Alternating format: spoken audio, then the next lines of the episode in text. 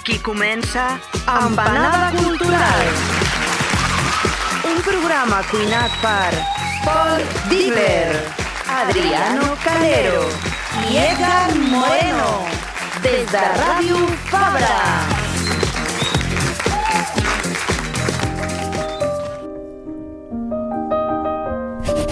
Estimat rei mag Zuckerberg, em dic Paul i aquest any m'he portat molt bé. T'escric aquesta carta perquè vull formar part del teu món màgic, el metavers. Diuen que allà tothom és feliç.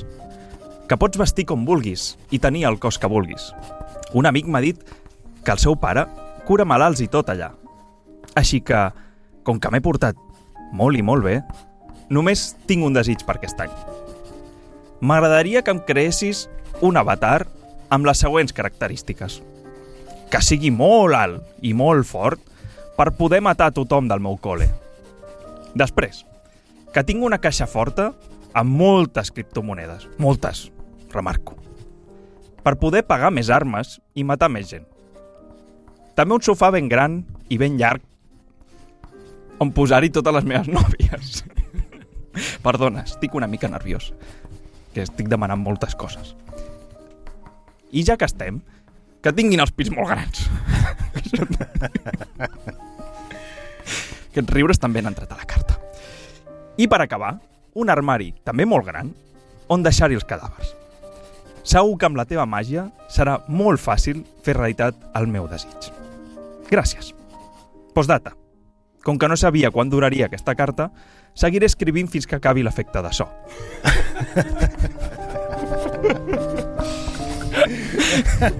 S'ha intentat, eh? S'ha intentat. Benvinguts a Radioteatre Empanada. que conste que es el segundo intento. Vamos pa mejorando. variar, pa- Vamos mejorando. No, vamos mejorando. La última vez fueron tres o cuatro. Ahora lo hemos reducido a dos. Y yo me he tenido que comportar también muy bien en la esquinita, ¿eh? Sin reírme, como un buen nene. Que- para que los reyes nos traigan todos Saps què passa? Que jo, regalos. quan ho practico a casa, no, no ho practico, és mentida, però bueno, quan ho escric a casa, penso, no, va, aquest cop, aquest cop s'ha de seriós. Aquest no riuré, aquest no riuré. Edgar, un consell d'actor, tio. No, un no, no, consell no, d'actor. res a dir.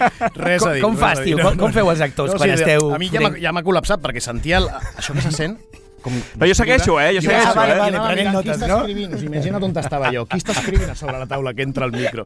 I no, no m'he col·lapsat. Jo al metaverso me vaig lluny. Bueno, i mira, eh, encara haig de dir moltes coses sobre la teva editorial, jo crec que tots, una mica, però aquellos que nos estéis viendo, hostia, estáis notando aquí Exacto, la una presencia. Otra, otra presencia, ¿no? Y no es la de un rey mago.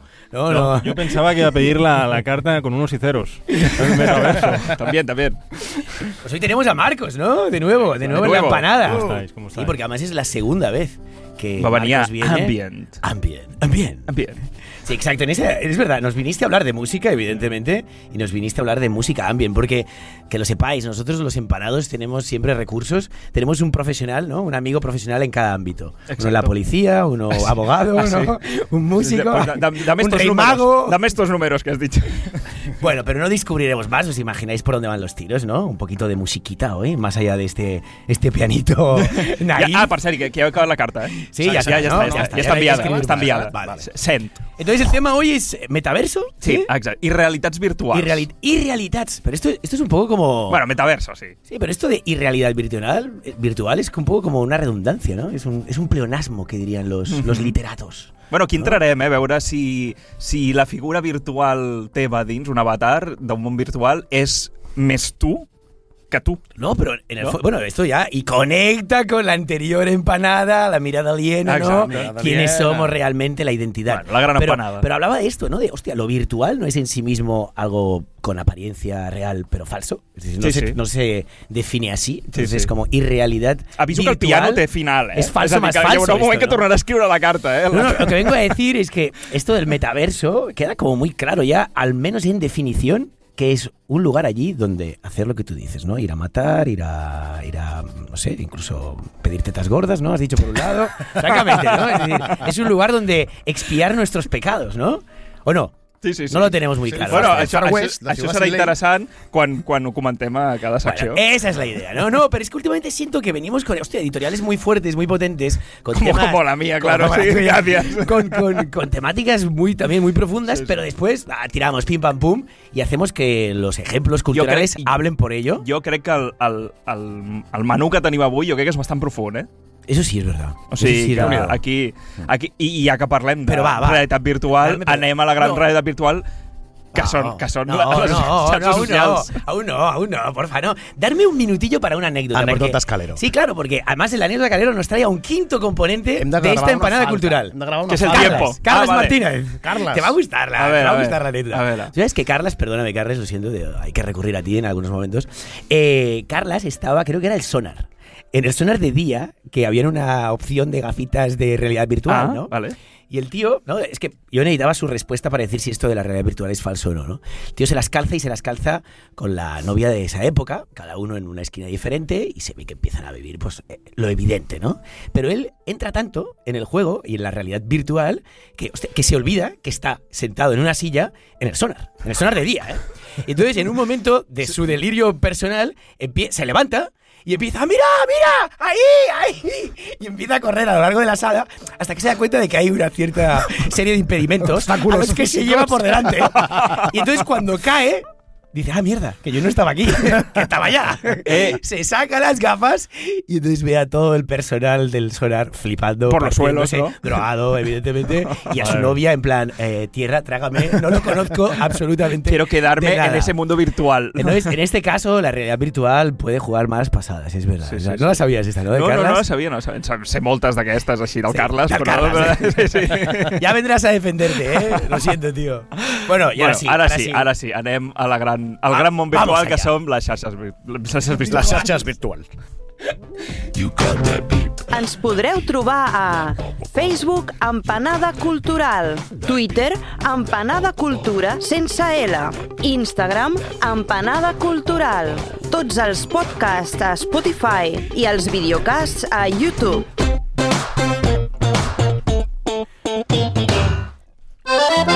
Menú del dia. Bueno, i després d'aquest piscolabis d'entrada de 7 minuts i mig, Vamos a ir, tenim? mira, mira, mira, voy rapidísimo. Yo hoy vengo con Mantícora, ¿eh? Mantícora, la cuarta película de Carlos Bermud, o Carlos Bermud, que es madrileño. Charles, Charles uh, Vermouth. Yeah, uh, The Bournemouth. De hecho, es la cuarta y es la última. El último, bueno, es el cuarto largometraje, ¿eh? especifiquemos, y es una película de reciente estreno. ¿De qué va? Para vincularlo a la temática del día de hoy. Diseñador de monstruos para videojuegos. Bueno, dice de criaturas, ¿no? De criaturas. Que además de hacerlo en lo profesional, pues como que parece que le encuentra el gustillo a eso de la herramienta que tiene en Gustillo, casa. gustillo. Y, y decide sacarle provecho personal a la realidad virtual Ah, que él mismo crea, ¿no? Exacte. Ahí lo dejamos. ¿Ves Ahí lo rapidez? dejamos, perquè crec que té bastanta teca, eh, aquesta, Sí, aquesta sí, pel·li. ojo, ojo, que aquesta pel·li. I després vas tu, no, Edgar? Després vinc jo, jo vinc amb una sèrie. Jo vinc no sé si és el contrari al metavers, jo, jo vinc a parlar-vos una miqueta del concepte d'Uncanny Valley. Sí, Sabeu és exacte, el vall, el, la vall inquietant. La vall inquietant, que és allò que és, és una teoria que parteix de la robòtica i de la intel·ligència artificial, ara, ho diré bé, de la intel·ligència artificial, que diu que és allò que sembla tan real que tot i saber que no és real ens folla la ment d'alguna manera. Vale. Vale? Parlarem d'un capítol en concret de la sèrie Love, Death and Robots, de la seva tercera temporada, que es diu Jíbaro, que passa a l'època dels conquistadors. Sí, sí, a més de ma marca ibèrica, Marca espanyola. ibèrica. Sí, senyor. Espanyola. Bueno, i ja que acabem amb espanyols, bueno, hauria dir basc, no? Uh, que és una, una clàssica ja d'empanada cultural. Clàssica dic perquè és el De segon dos cop que la veces, no? portem, però bueno, és un cop com ell, ell també és un clàssic. és el segon cop que la portem. Uh, que és Katisha Aguirre i és el seu nou llibre que connecta perfectament amb el que estem parlant, que es diu De Nuevo Centauro i que parla de realitats virtuals futures dins d'un metavers. O sigui, aquí hi ha tela. Aquí hi ha tela. El programa d'avui crec que millor ens llancem directament o què? Sí, porque sí, al comentar-ho? Metaverso cerramos aquí, ¿no? Pero ya que estamos en un menú del día, ¿no? Ah, sí. Tú de metaverso con los vinilos, Mm, nada. seria interessant, Pot- eh? eh, pot Són ser- de metal verd. Exacte, mira, m'ho has tret, m'ho has tret.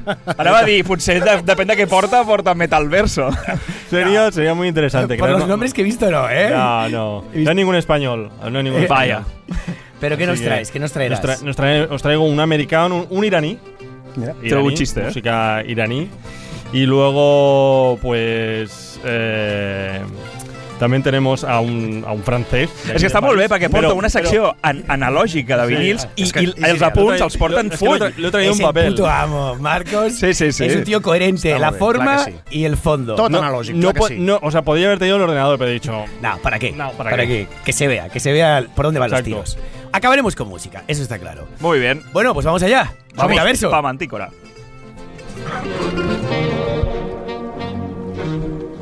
Cinema.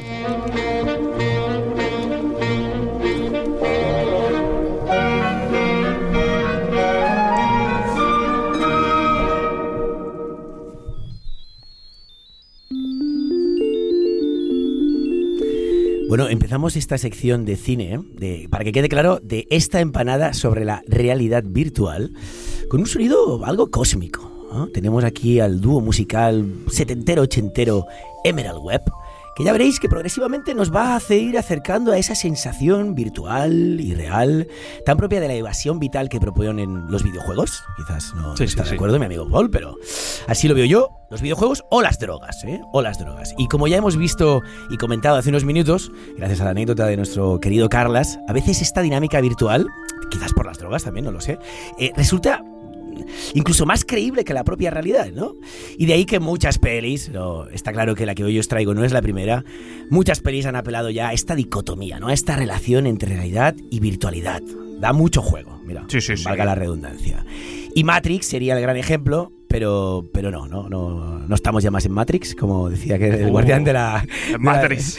que vivís en Matrix. No, no. Vamos a, a dejar Matrix a un lado porque el Señor de las Galaxias este, está hasta los cojones. Vamos a tirar de presente y como decíamos al principio, ¿no? De un peliculón. Se llama Mantícora, producción española que además de sugerir un discutible uso, vamos a ver si, si es tan discutible o no, de esta realidad virtual, ofrece mucho más. Y Mantícora, ¿eh? ¿Qué, qué coño es Mantícora? no? ¿Qué, qué coño es Mantícora? ¿Qué es este Porque ente? Podría ir tirar o por el título o por el director. Va, vamos a tirar por el título, porque en el fondo Mantícora nos está hablando de un monstruo. Mantícora no deja de ser una suerte de, de ¿cómo decirlo, no? De esfinge egipcia, pero más monstruosa, ¿no? Es En como un este caso- Frankenstein, ¿eh? Sí, es, es- es literalmente un Frankenstein, pero lo que vengo a decir es que tiene esa apariencia de, de humano en el rostro con cuerpo de león, que esto es muy de esfinge egipcia, pero ah, le meten un poquito más de mala hostia, ¿no? Habría que añadirle una cola de espinas venenosas, que en algunos relatos dicen por ahí que, que disparaba como flechas, y es que lo que queda claro es que a la mantícora le mola la carne, le mola la carne humana, y es extremada velo- extremadamente veloz, así que lo suele conseguir, ¿no? Vamos, estamos hablando de un monstruo. ¿Quién es el monstruo en Mantícora? Eh, Lo veremos poco a poco. Está claro que no es su director, porque es, bueno, podríamos decir que también es un monstruo, pero porque es un crack, ¿no? Ya ha demostrado en cuatro pelis y con, no sé, creo que él sí que está en, entre, como nosotros, entre esa generación millennial y, y X, es un tío de 40 Sí, sí. me parece. Hostia, ha demostrado con cuatro películas ya, con cuatro largometrajes, que es un crack, ¿no? Bueno, aquí tenemos dos que yo no he visto. Estamos- Diamond Flash. Diamond Flash y Magical Girls. Bàsicament. Ah, no l'has vist? No, estas dos no. Ah, Y después, ¿quién te cantará? ah, qui te cantarà és la que a falta. Hòstia, vale. Las últimas dos me parecen auténticos peliculones y a partir de ellas dos puedo entender que hay una autoría. Es decir, evidentemente son películas que manejan tonos, no, tonos no, pero facturas diferentes. Mm, Quien te cantará parece más ambiciosa y creo que hilvana mucho peor las tramas con las subtramas todo y que emocionalmente tiene un puch también desgarrador. Y en cambio Mantícora para mí, hostia, hace un vaciado formal que es aquello de que se hace grande a partir de hacer menos, Sí, ¿no? sí. En este Menos es caso, más, ¿no? sí, totalmente. Y es que además, como suele pasar con estos casos, con estas grandes películas, se estrena ahora, se acaba de estrenar, pero ya viene dando que hablar. Dará que hablar más aún, porque en el 2023 nominaciones a los Goya, nominaciones a los Gaudí. Vamos a ver qué se lleva.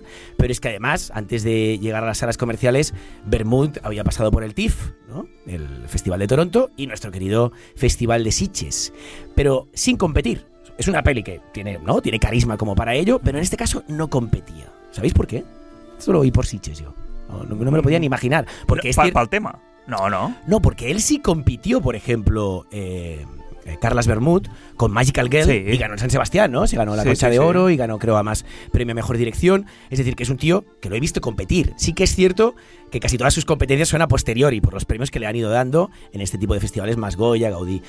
Eh, pero en este caso parece ser que él decidió no competir, ni en el TIFF ni en Sitges. ¿no? Porque todo el mundo se preguntaba, ¿cómo es que este pedazo de película no compite? Selección oficial no competitiva.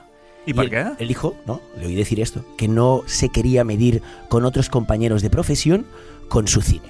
No Ah. sé si es que ha evolucionado como cineasta esa- hacia esa dirección o que el tema, de alguna manera, proponía otra, Es que el tema es o- muy otra realidad, ¿no?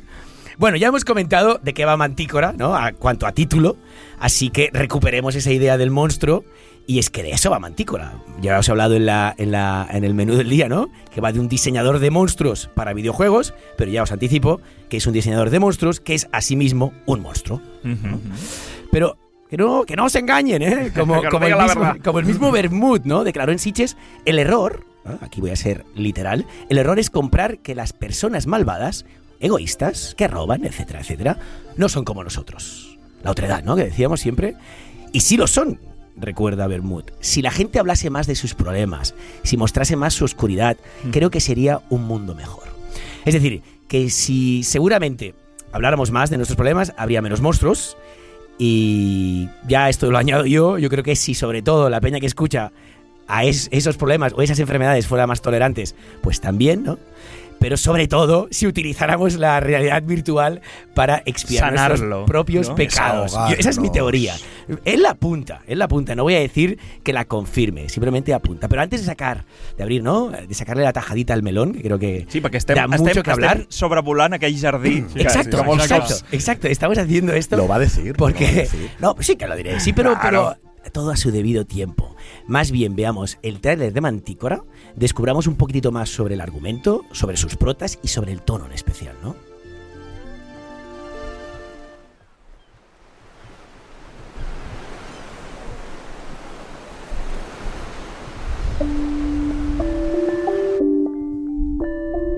Sandra me ha dicho que eres modelador de criaturas.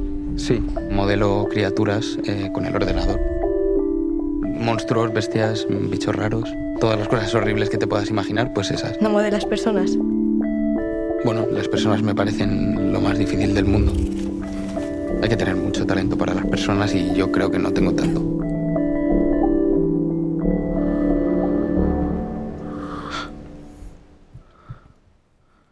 Susto, sueño.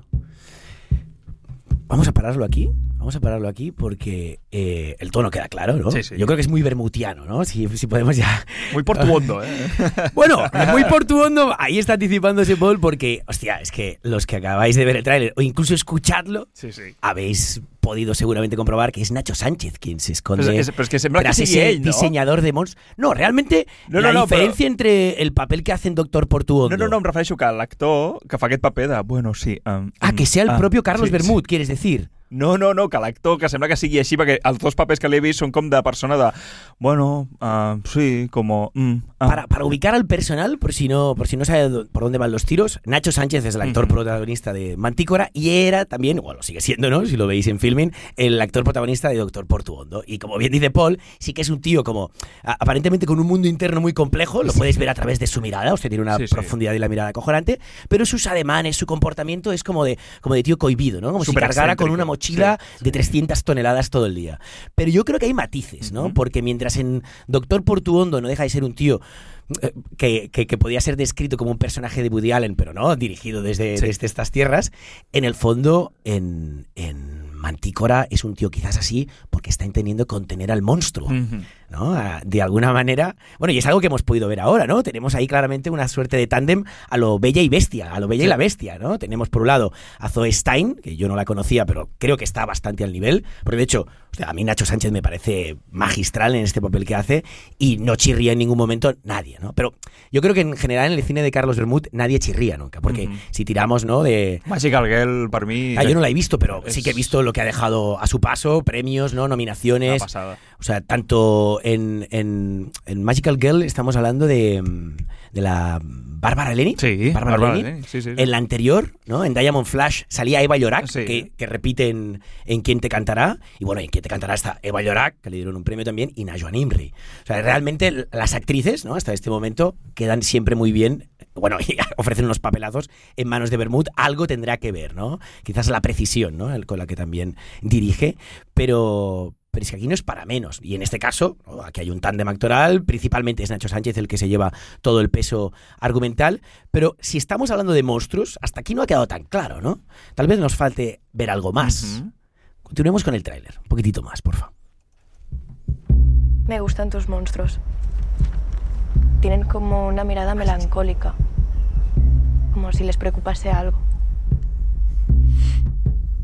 Quiero que sepas que vamos a tratar este tema con toda la discreción del mundo. ¿Qué tema? Un día me descubrí a mí misma parada en medio de la nada con la persona que más quería. Y todo estaba bien. Todo está bien.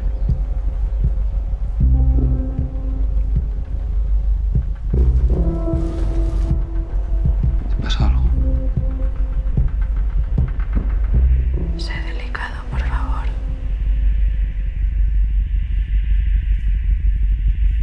Telita, ¿eh? Bueno, telita en el tono, porque aún no se ha descubierto nada aquí. També et dic una Però- cosa, jo el tràiler no l'havia vist i em sembla molt complicat fer un tràiler d'una pel·li com aquesta. ¿Sabes una cosa? Que este tráiler, no sabía que existía esto, me acabo de enterar. Lo han nominado a los premios Feroz. Hay nominación de tráiler. Ah? Y está nominado, evidentemente, en positivo, porque es un tráiler muy potente. Me parece un tráiler que descubre sin descubrir. Es que es-. Evoca es que sin, es ¿no? difícil, ¿eh? sin aquello de sugerir sin mostrar, ¿no? Además, un tono como muy. mm, parece que se vayan a acostar ya casi, ¿no? Está Bueno, ahí- y a la vez que parece que se vaya a romper en todo momento. Sí. Y la peli es así. O sea, la peli podría Ya. parecer un thriller, ¿no? Eh, Sí, sí. Porque es un monstruo que está contenido y va, va a petar algun dia, Mm. pero es que es lo que menos nos importa. Realmente Ah, es, a més, a es més un ho, has drama. dit, ho has dit molt bé, la, contar o sigui, mostrar sin mostrar, no? Sí. que, és, que jo crec que és el centre de la pel·li. De fet, ja entrarem, però a mi la pel·li no m'ha agradat. I el tràiler...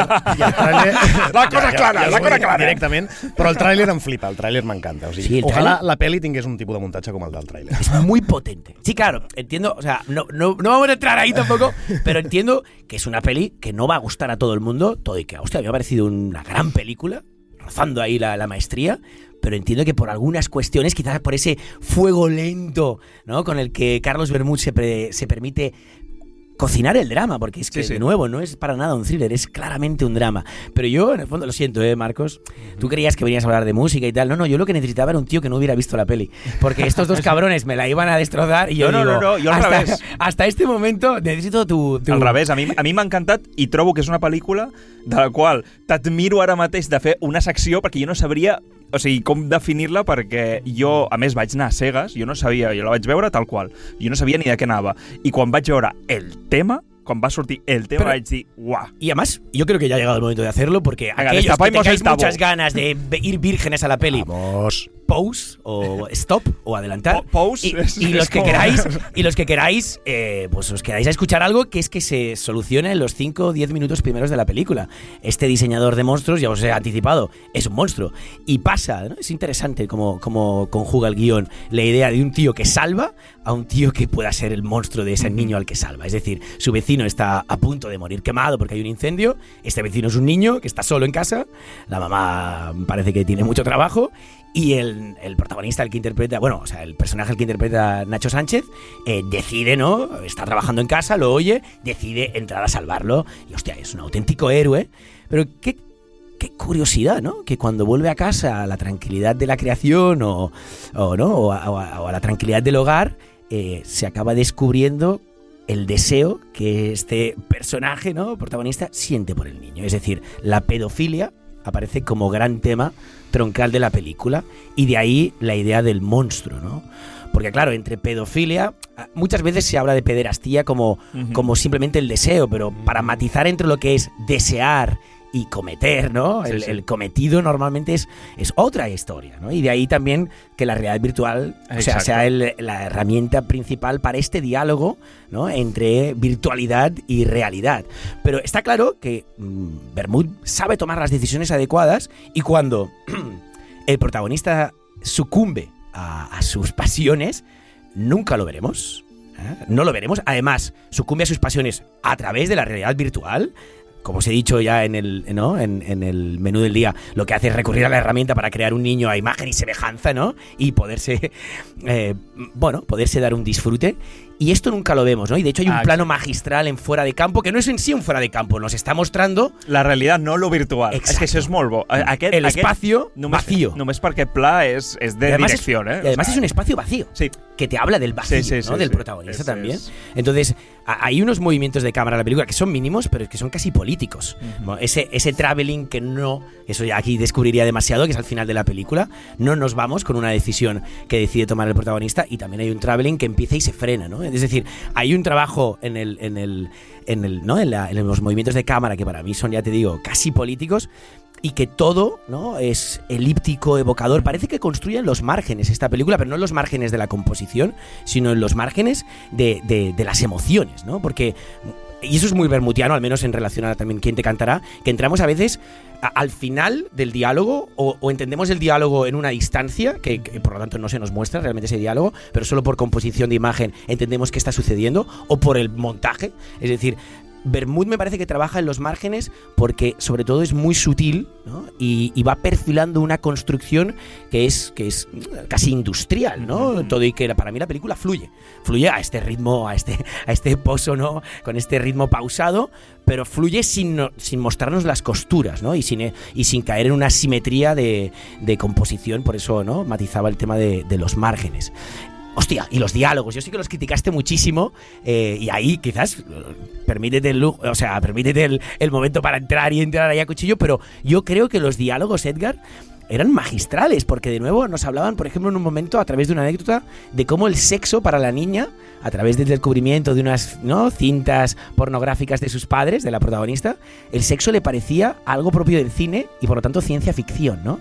Y eso es algo muy interesante, narrado así pasa por ser la anécdota, pero después cuando recuperas la temática dices, claro, es que también lo que hace Bermud es utilizar la idea de la pantalla como ese deseo, ¿no? O sea, el deseo el cine en sí mismo es también motor de muchos deseos prohibidos y la manifestación de esos deseos prohibidos. ¿Por qué la realidad virtual? ¿Qué pasa? Que como la dirigimos nosotros nos tenemos que sentir más culpables. No es que coincidamos en la emoción de un director ajeno que nos invita, ¿no? Clar, Eh, pero a la hora de la verdad es lo mismo, es el deseo en la pantalla, ¿no? Y en ese fuera de campo. Por eso también insiste Bermud con ese plano en hablaros de que ese deseo está en el fuera de campo, como está el deseo, por ejemplo, de, de- ¿no? La sutileza que hay también en presentarnos un personaje femenino, que los que hayáis podido ver el tráiler, es claramente un niño. Sí, sí, sí. Tiene un look súper aniñado. Y de hecho recuerda en el dorso muchas veces a- al, al- al- Ui, al niño, ¿no? Sí, exacte. No, no, no, exacte. Hi ha plans que estan buscadíssims, que són els, els típics plans de clatell que tu, a més, la protagonista, per qui no ho hagi vist, perquè aún estamos haciendo radio a veces, eh, eh, és, clar, és un personatge amb els cabells molt curts, amb cos... De, ja no, no et dic ni de nena, o sigui, és de, de persona molt menuda, molt prima, molt, no? aquestes faccions també molt, molt aplanades, o sigui, molt llises, Andrògines, no? sí. Sí, llavors tot Sí, és com un andrògin també. Sí, ah, exacte. Sí, molt fa, fa la sensació que, amb- que amb aquesta noia el que vol fer és legal, simplement. Exacte.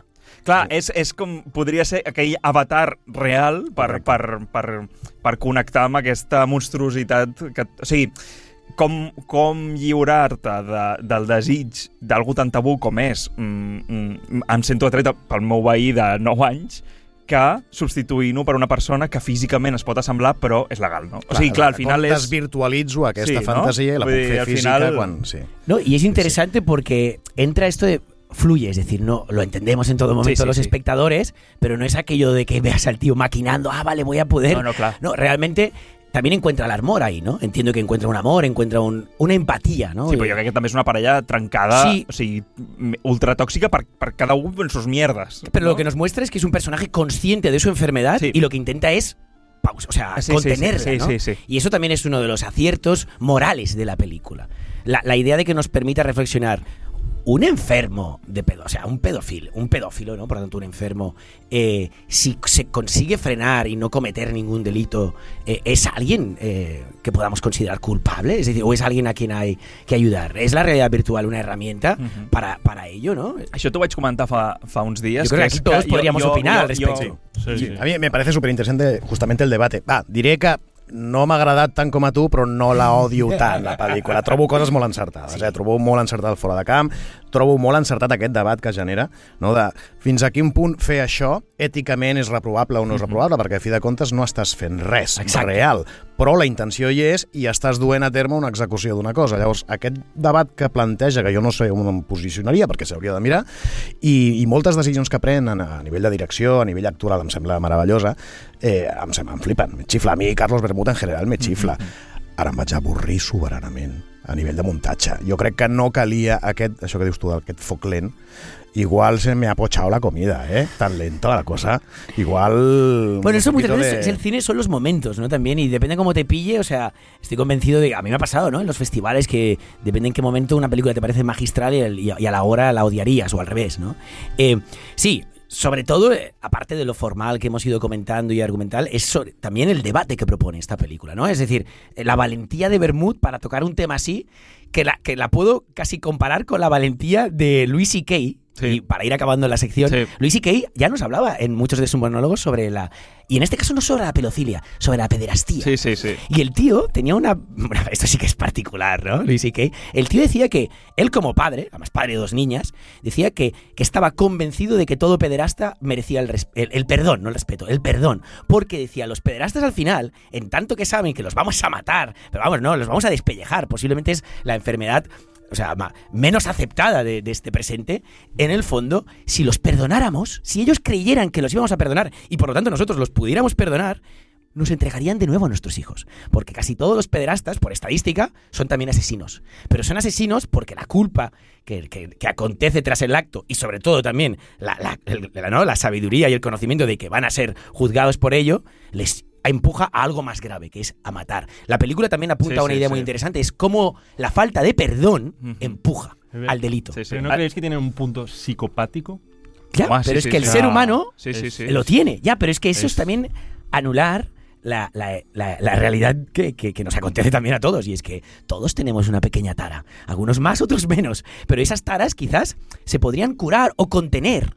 També et dic una A cosa. de la realitat virtual, de, no? Depèn de quina eh, protecció tinguis en el sentit, perquè sabem d'estaments que justament han gaudit durant molt de temps de protecció Oh, sí, absoluta. totalmente. Llavors aquí jo crec que encara que inclús ens poguessin perdonar entre tots, jo no crec... Pero ahí, aquí no había, se mata, eh? pero ahí había delito de verdad, ahí, ahí se cometía ese delito. En la realidad virtual no se estará cometiendo. Clar, aquí és el gran tema. O sigui, jo recordo um, que fe, fa uns dies Adriano et comentava que hi ha, hi ha un, una gent que fa com uns podcasts a, a Amèrica, eh, que fan uns podcasts sobre temes així, no? De, de, I creen debats, no? I un dels debats, recordo escoltar, que era sobre els sexbots, és a dir, els robots... Ah, uh, no sexbombs. No, no, no, no. Uh, els sexbots, no?, que eren... I, i plantejaven de que s'estava plantejant la idea de, que, de, de crear robots sexuals a, a, òbviament, destinats a, a, pedòfilos. todo tipo de- de perfiles. Però, clar, genera el debat de dir, vale, potser és una forma de, entre comillas, perquè és una malaltia des d'un punt de vista psicològic, eh, de que se saci esta gente, per dir-ho així, però, clar, després entra tot... Clar, és com Clar. no alentar... A, La, qüestió, la qüestió és on és el límit Exacte. i, i és més, si ha de posar un límit, clar, és, per això genera un debat tan interessant, perquè té tantes capes de profunditat. De fet, ja ho diuen a la pel·li, hi ha un, de, un dels diàlegs que estan en un bar fent un Exacto. cafè. Mira, mira, mira, mira, mira, mira, mira, mira, mira. Mira, antes, antes de que tú lo expliques, Edgar, dentro vídeo. por favor, Uriol, Mira que bien caballero. eh, te leo, te leo la mente. ¿Qué tienes contra los videojuegos? No, ¿qué tienes tú a favor? En un juego puedes hacer lo que quieras. ¿Y en la vida también? Ahora mismo en este bar puedes hacer lo que quieras. Puedes comer, hablar, caminar, bailar. ¿Qué te lo impide? Sí, supongo que tienes razón. Lo mejor es la respuesta, ¿eh? Sí, supongo que tienes Sí, sí, razón, lo que pero, tú digas, pero lo vamos a dejar aquí. Déjame... De hecho, lo vamos a dejar aquí, Sí. ¿no? Porque esto da... Sí, sí, sí. Este melón ya lo he dicho. En el metaverso tendríamos más tiempo, porque va más lento. Eh, Com la càmera del temps de bola de drac, Claro, però aquí no. claro. Pues vamos a la segunda sección del programa, media hora más tarde. Sèries.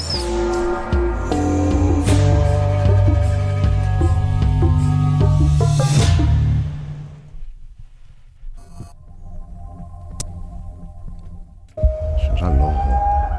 Sona? Sí. La jungla? Sona... La natura? Caballito?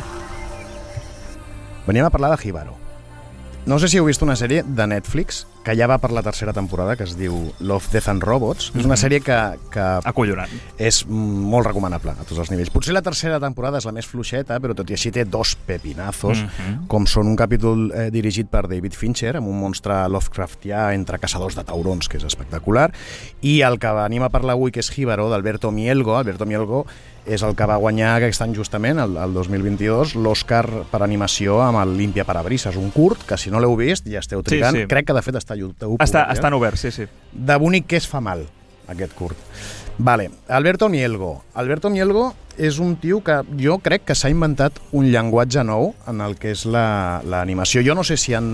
He he estat investigant i no ho he, hagut, no ho he acabat de trobar si han desenvolupat un, un software específic jo, seu. Jo estic segur, o sigui, perquè a més eh, té un estil de És com de rotoscòpia, no? No Que, eh, exactament. clar, jo per Sona exemple... rotoscòpia. Jo, jo, per exemple, a rotoscòpia, Richard Linklater, que potser és el gran, Ah. el jefazo que en el seu moment també va inventar una, una tècnica per, per portar-ho al cine. Que no es- té una a Netflix, també?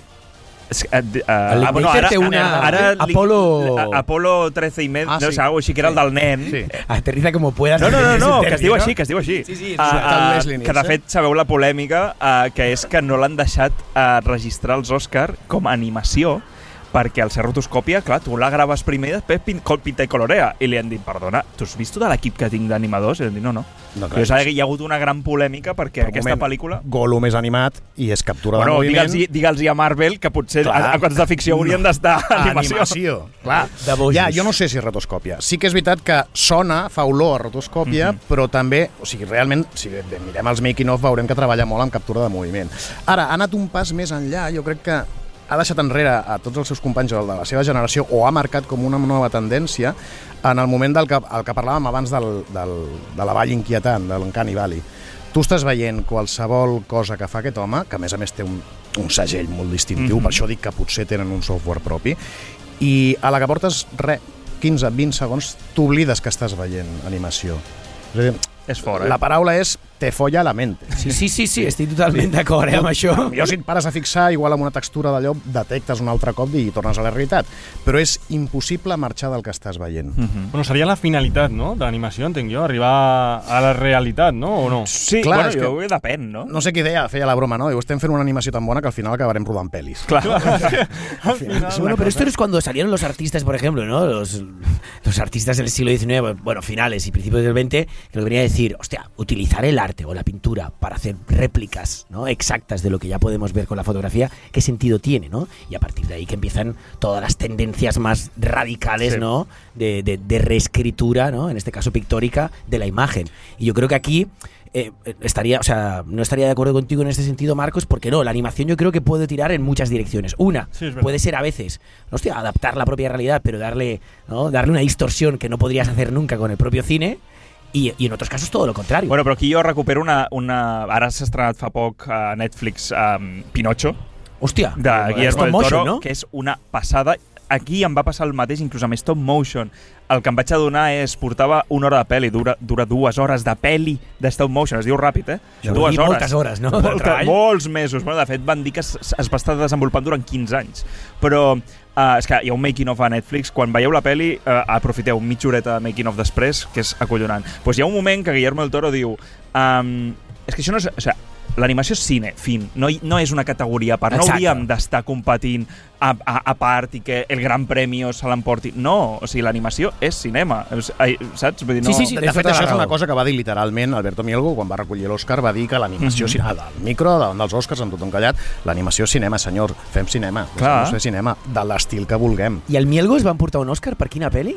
Ah, no, per un Per- cur, per has dit, curt, no? per el limpiaparabrises. Bueno, limpiaparabrisas. bueno, i després un altre, que aquí sí que hi ha hagut Clar, contacte... O sigui, aquest home ha crescut tant, té un talent i té tant, tant aquell segell personal que ha sigut capaç de deixar tirat a l'equip d'una pel·lícula d'animació que també va guanyar un Òscar el 2019, que és Spider-Man Into the Spider-Verse, que va Ok, guanyar sí, l'Òscar sí. a l'animació, que al final, tot i que ell no va participar-hi, el, van, eh, el van acreditar com Animation Consultant, perquè tot el que havia dit ell és que el que es va aplicar en aquella pel·lícula i va fer que generés aquesta Però- revolució de l'animació que va significar. Exacte, però ell, ell crec que va ser com el director artístic, com a mínim, de, la, de les bases de la pel·lícula, va començar, no? va és començar, va dir, va això començar a fer així, això serà això. dissenys, tipus d'animació i tal, però va marxar molt, molt aviat Vale, del vale. procés. Però es van quedar en tot el que havia dit, l'equip que va entrar després va, ho va seguir a fil per randa i això els hi va donar l'Oscar. Por cierto, eh, inciso, eh, podéis ver el cortometraje, lo veréis esta noche, de El limpiaparabrisas de Alberto Mielgo. directamente en Film Affinity. Es típico, Sí. ¿no? Que en el Ah, vale, pues lo mira, tienen colgado. está bien I colgado. diria que està en completo. YouTube també en abierto. Perfecto. Que en principi és, és, ja veureu que és, que és de bonic que és, és, és que es fa, mal, fa mal. Doncs um, avui parlem de la, del capítol, és l'últim capítol de la tercera temporada de Love, Death and Robots, eh, que es diu Jíbaro. N'havia dirigit un també a la primera temporada, que es deia La Testigo, que era un... Que és el bucle. Sí, exacte. és un tenia, loop. Era un loop que tenia uns tocs molt Blade Runner, amb una estètica també així molt naïf, molt, molt, molt tron també, no? amb molts neons. I aquí els dissenys reconeixes que són la seva manera de dibuixar, per entendre'ns, però ens n'anem a, a l'època dels conquistadors. Vale? Us llegeixo una miqueta la sinopsi vale? i a partir d'aquí parlem, perquè hi ha, hi ha tela eh, per tallar, hi ha, hi ha xitxa. Un grup de conquistadors i sacerdots espanyols a Puerto Rico viatja a cavall per un bosc, aturant-se davant d'un lloc bastant d'un llac bastant pintoresc, on hi ha una mena de sirena completament coberta d'or i joies, que amb la seva veu i la seva dansa els fan embogir i perdre el control dels seus cossos, endinsant-se en una mena de, de dansa macabra que fa que vagin ferint-se i matant-se entre ells mentre intenten acostar-se a ella només per ofegar-se sota el pes de les seves armadures i cavalls. Excepte un d'aquells soldats, que és sord, El más listo, ¿eh? Sordo. el de la suerte de medusa, ¿no? El que le graban pero desgraba también a la vez. Jo he parlat d'una sirena, eh? però potser més aviat es tracta d'una una nàiade, que és aquesta figura mitològica de, de, dels mites grecs, que són nimfes que personificaven l'aigua dolça, els brolladors, Ah, els llacs i, i fonts. No? Se'ls hi trobien propietats curatives bevent o banyant-se en les seves aigües, encara que en alguns casos el bany o el simple fet de veure-les es considerava un sacrilegi que comportava les represàlies de les nàiades. Vale? Folklore català tenim també una cosa similar, que són les goges, la goja, que és més de fons, la, és més llegenda, no? Um, què passa en aquesta, en aquesta història? Doncs el soldat, òbviament, no hi sent, per tant, no es veu afectat no? per la veu, per la dansa. I Tenemos, perdona, tenemos aquí en la biblioteca de sonidos el, el sonido este, porque ahora recuerdo el cortometraje y es potente, és ¿eh? meravellós. És El disseny de so És acojonant. és, o sigui, a part de que visualment, òbviament, és el que és, és impecable, i el disseny de so, Mm. tot junt fa que es generi una mena de sinestèsia, no? allò que dèiem de l'Encani Valley, no? de, de me estan follando la mente, que, estic, que està passant. Estàs a dins d'aquella pel·lícula, t'estira cap a dintre com a espectador i no pots marxar-hi perquè sembla que aquella violència amb el muntatge que hi ha, amb aquella animació amb, amb rascades de foc, Mhm. inclús, Sí, que sí, sembla sí. que fet, com si estiguessin gravant amb la càmera en Sí, mà, en cinema. no pots deixar d'estar a dins del que estàs. I tu no estàs sort, a més. Saps? Clar, Vull dir-te. A part això, tu estàs sentint-ho tot. I estàs sentint... De fet, moltes vegades et poses amb la pell del personatge i sents allò com quan estàs a dins d'una banyera, que sents com esmorteït el soroll, uh -huh. i, i entens coses. Però tot això és molt maco, tot això és lo formal. Però ell discurs, no sé si Mhm, recordeu quan l'heu vist, parlava Alberto Mielgo de que aquí hi ha una relació tòxica. Estem parlant una mica el que estàvem parlant abans. Dues persones que s'atreuen per motius equivocats. I s'atreuen de tal manera, amb, amb una obsessió tal, que no hi ha fronteres, no hi ha límits. Vamos a todo con ello. I, de fet, deia ell, literalment, tinc aquí una cita que havia dit, que és que, mira, literal, tracta d'una relació extremadament tòxica, d'una relació entre depredadors que és sensual perquè es basa en una atracció mútua per raons equivocades. Acaben sent les pitjors versions de si mateixos, tots dos perden. Mm. Això entronca amb una, amb una declaració que tenim d'ell, si me la pots posar, Uri.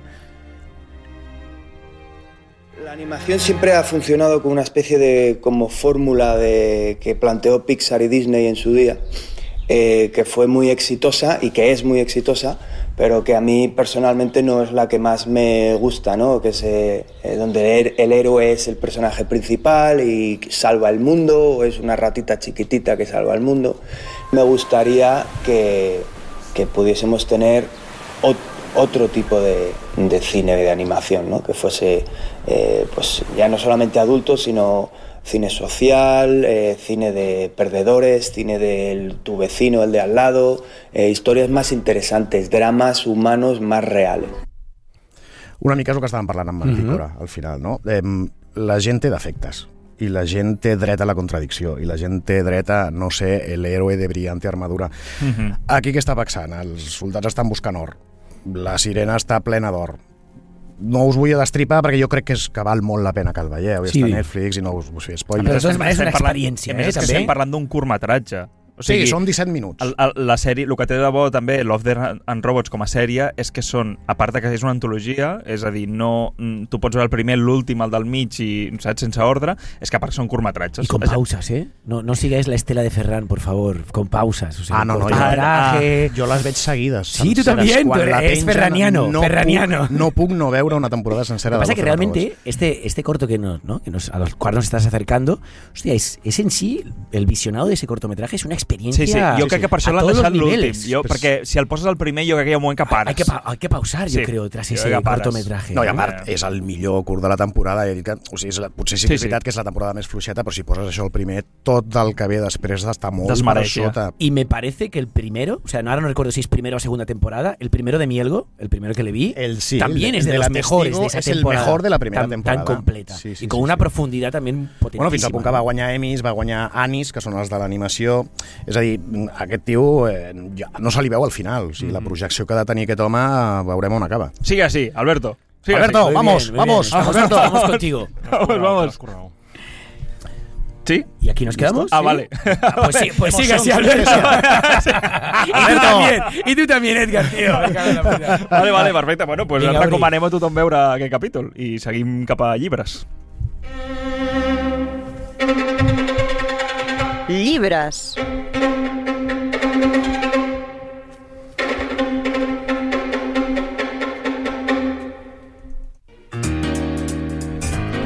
Bueno, abans de que ens capin, però és la versió instrumental. que- No sé, seré jo, Jamiroquai, entre por la... No, entra, Por favor, el quinto invitado del programa. ja, Miroquai! No, no, doncs avui ens, ens endinsem en aquesta virtual insanity que ens planteja l'autora que hem dit abans, que és ja clàssica perquè ja ha vingut dos cops al programa, que és Katisha Aguirre, uh, que tampoc entrarà per la porta, però entrarà per la porta gran amb aquest llibre, perquè realment uh, veníem de, de la seva an- anterior novel·la que la vam tractar aquí, que és Les madres no, que més va portar cua, eh, Adriano? Sí, sí, Aquest generó llibre va, cierto- va generar tertúlia. Es que me, me acababa de pillar con las hormonas jodidas, tío. Acababa de ser padre, tío. Entonces, Clar, clar, I les madres no, estaba és una para- novel·la que d'aquí recomanem, però ah, és de les per, per mi és de les millors que he llegit en els últims anys, però és molt dura, és molt bèstia, parla més des d'un punt de vista, ella també com a mare, eh, com a autora mare, parla d'un un personatge no, de que analitza, investiga eh, per què una examiga seva va matar els seus crios, no? Com Sí, a mare. además así no? en És plan frío, cosa- en plan frío, sí, no? molt freda, molt freda. Doncs aquest cop eh, ens porta un, un nou llibre que eh, se'n va molt de tema d'aquest, de la, les madres no, però també trobarem temes de maternals i de parella i de tot, no? Que és de nuevo Centauro i aquí sí que entrem en la insanity virtual perquè ens parla d'això, justament, del metavers. O sigui, ella s'ha agenciat ara un tema molt virtual, molt futurista, de fet, passa en un futur no molt llunyà, però passa en un futur, i ens comença a desgranar uh, tot aquesta, aquest món, aquest metavers que s'està inclús ja estan ara bastant, bastant a lo bèstia a la nostra realitat. No? Y en ese argumento se entiende el título porque también me deja un poco. El títol us diré una cosa. Despistado. El, et despista molt, perquè el títol apareix, eh, us diré quasi de les últimes pàgines, surt aquesta frase. L'entens una mica. Sí que és veritat que em, és una metàfora molt gran. Llavors, de nuevo Centauro, mm, no us penseu que és, o sí, però d'algo com estelar o tal. És una cosa bastant curiosa però no, no m'ha semblat de que el títol... Fos, és a dir, quan saps allò de... Ho llegeixes, estàs llegint el llibre, se l'estàs acabant i diu de nuevo Centauro, dius, ah, mira, ha salido. Lo ha dicho. Sí, lo ha dicho, però, però no, saps? Vull dir, no sé. Ahora todo encaja. No, y Sí, no nos sí. habla de la, de la empresa de alquileres de coches ni nada por el estilo, ¿no? No es Ni una és nueva- un western del No, desierto, ah, Centauros aquí, del desierto. No, no, no. Però eh, el que sí que fa és, estem parlant ara al final gairebé, però sí que comença, la primera pàgina és gairebé com un, un microdiccionari on ens posa tres, eh, com serien això? Uh, VR, AR, que serien un, uh, acrònims? Sí, acrònims no? els sigles. Els, Tres, sí. tres sigles, una que és V-R, que és realitat virtual, que ens explica, és per posar-nos en context, perquè clar, al llibre Mhm. n'hi ha d'això, no? I diu simulació a través d'ulleres i altres artilogies, és a dir, allò que deies abans del Carles, de les ulleres de realitat virtual. Després hi ha AR, que és realitat augmentada, que és afegir elements virtuals a la realitat, però de manera digital, és a dir, sabeu ara, jo què sé, amb els iogurts per al niño, perquè ara dona'ls un, un bitxo, un, un, un ninot petit que el tiren a la basura, no, ara han de tenir el mòbil, doncs hi ha una realitat augmentada que és que el bitxo ara és virtual i Pokémon està sobre, Go. o el Pokémon GO, no? que està a sobre de les coses, no? I després hi ha el XR, que és realitat estesa, que és la mescla total entre realitat virtual i física, que bàsicament és aquesta interacció absoluta total i és, jo crec que és de la que més es centra el llibre, d'acord? En aquesta realitat que està supermesclada. Llavors, què passa? Uh, és un llibre que, que parla, i aquí ja entro una mica amb la sinopsi perquè crec que és bastant complex i hem d'entrar per aquí, per la porta normal, que és, estem en aquest futur proper, el turisme, i aquí te toca eh, cerquita, cerquita, Adriano, el turisme gairebé desaparegut, per tot arreu hi ha refugiats climàtics, la realitat virtual ha envaït la vida quotidiana i tothom deixa enrere el cos a la primera de canvi gràcies al seu avatar, virtual, en aquest sentit, no? Paula Pagaldai, eh, una dissenyadora que treballa per al metavers, marxa a París a la recerca d'inspiració per a un projecte sobre Mary Wollstonecraft. Oh, Wollstonecraft. Ahí has estado, ¿eh? Wollstonecraft. Sí, ho he practicat, això sí que ho he practicat. Una gran reivindicadora dels drets de les dones. També us dic que és de, com segle, si no recordo malament, segle XVIII o segle XVIII i mig. um, llavors, a partir d'aquí, la Paula experimentarà la realitat d'una manera cada cop més barrejada, on acaba allò virtual i comença allò real. Aquesta és la sinopsi oficial, d'acord? Uh, però el que sí és que també us afegeixo que és uh, ella com a dissenyadora, abans parlaves tu, no?, que el protagonista de Mantícora és aquest dissenyador d'espai, no, de, de, de personatges, monstres, de no? De monstres criatures. virtuals, ella uh, dissenya espais, dissenya experiències i en el seu cas està investigant uh, aquesta dona de- de- d'aquest d'aquest quasi llavor del feminisme per fer justament una experiència virtual anomenada Precursores del Feminisme 1, que sembla aquestes assignatures d'universitat, no? I llavors què passa? Uh, és un llibre que parla absolutament del deliri, ja ho hem dit. És, un, és on, comença lo virtual, on acaba lo real. Uh, ets més humà quan et, et mostres amb un avatar, que al final un avatar eh, és una creació teva pròpia de com aparentment t'agradaria ser, també. És a dir, on comença la naturalesa humana, la conducta humana, tot això ho porta aquest llibre, ¿vale? però sobretot és el deliri, d'acord? Juga molt amb aquest concepte del, ja no diré ni realitat ni virtual, és l'online i l'offline, no? perquè la gent cada cop més, en aquest futur que planteja, que ja us dic que no està massa allunyat, viu cada cop més en l'online que en l'offline, no? És a dir, um, uh, de fet, el llibre comença amb el detonant de lo que és el, la, la història, però les primeres pàgines és ella a una habitació hotel, de viatge d'aquests de negocis, um, intentant, perquè té insomni, i com que s'ha deixat el neoprè, no? el neoprè, que a més de- després entrarem a què és aquest neoprè, però s'ha deixat el neoprè, llavors no pot entrar en aquest metavers de la forma que voldria, que és sensorialment. Vale? Llavors només té les ulleres, i aquestes ulleres, les típiques de realitat virtual, um, ella sap que hi ha certs espais del metavers que ella pot anar a relaxar-se. Hi ha un prat verd amb els sorolls, però clar, en aquest moment només ho està veient i escoltant. O si no pot sentir perquè no porta el neoprè aquest, Exacte. no? Llavors, Oh. eh, eh, entra, Fotivioletes. entra eh, ja, el llibre comença així directament, que la gent té una dependència absoluta a tot això, no? És ella, és l'insomni, se'm cura així. Llavors, clar, ella està durant voltes i com que està desenvolupant aquest... a- està obsessionada amb aquest personatge històric, no?, la Mary, eh, aquí entra el detonant, que és ella se li apareix sense generar cap mena de, de virtualitat. Ella el té com una mena de Pepito Grillo en aquell, o sigui, a les primeres pàgines se li apareix i ella es queda com, no pot ser un moment. No, no, Però clar, no estic- saps si forma part de la realitat virtual o és simplement molt és que cerebral, està... és a dir, mm, durant tot el llibre tu el que vas veient és que realment està allà. És com una mena de... Sí, com has dit, un Pepito Grillo Com una no? imaginació i li va parlant constantment durant tot el llibre. I, i en, dins dels conflictes que té ella en aquest mm, present seu, al nostre futur. Però clar, tot està lligat amb una personatge del passat. O sigui, al final ha creat una narrativa, Cateixa Aguirre, que és superinteressant. En, ens, ens parla d'un futur a partir d'un passat, no? Però que no és el nostre present. No sé si m'explico. Sí, sí, sí. No, No, el és que estic veient allò- és que... Sí, allò dels canvis cíclics, no? Sí, Del sí, dolor, està del- superinteressant. del Continu cap- reinici. Clar, les capes no només són temporals, que és el que estàs comentant Exacte. ara, sinó que a sobre també són entre realitat, Ah, ficció, exacte. virtualitat, A més, sempre, òbviament, òbviament, eh, Cateixa Aguirre és contemporània nostra, òbviament, i llavors té un peu sempre a la Però importante, ¿es millennial o es boomer? Esto si no, no, Hòstia, mira, no, podemos no seguir dir, adelante. no t'ho sabria ¿eh? dir. De, de fet, jo que soy X, m'han vingut al cervell diverses pel·lícules, precisament dels anys 90, Sí. que parlaven de diferents Sí, sí, sí, realitats, sí, no? no, clar. Existents o Matrix Sí, o... a, a, l'inici és molt Ready Player One, el llibre que després va adaptar Steven Spielberg, que era aquell... aquell Sí. el, el món està fet caldo, però com que tothom viu en, en la el real virtual, doncs tothom bueno, es posa les ulleres i ja vive bien, no? Una mica això. Però uh, val a dir que el personatge que investiga, que és Mary Wollstonecraft, és, no sé si us, sona, que és la mare Dos veces ya. de. Mary Shelley. Es que te sales.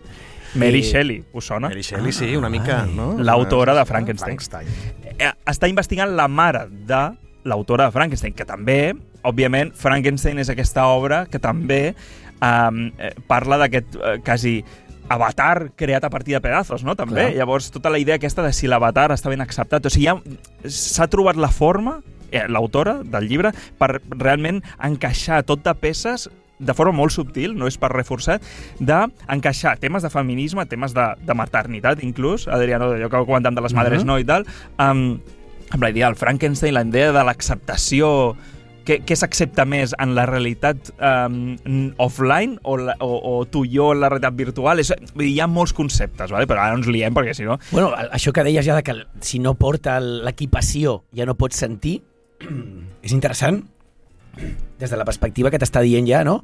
O sigui, només pots arribar a sentir a partir d'aquesta realitat, Sí, no? o sigui, uh, mira, uh, entro ja amb això perquè uh, ens explica durant el llibre, òbviament es va desgranant com és aquest futur, vale? o sigui, el, el present de la, de la protagonista, com, com és això. Ha, ella diu que té molt clar que hi ha tres revolucions, la, la revolució del metavers, és a dir, la creació d'aquest espai virtual, que és on estaríem ara, les ulleres que, in, que ens, ens inclouen de forma um, visual, ni que sigui, o audiovisual, a, a, a aquest metavers, i la tercera revolució és el tacte àptic, vale? que això vindria a ser aquest neoprè que, que us comentava. Aquest neoprè, tu te'l poses de dalt a baix i tots els teus em, filamentos, per dir-ho així, tot el, tot, tot el teu cos rep els inputs que es reben a dins, és a dir, bueno, com si estiguessis allà, Ah, literalment. completa. Vale? Una immersió completa.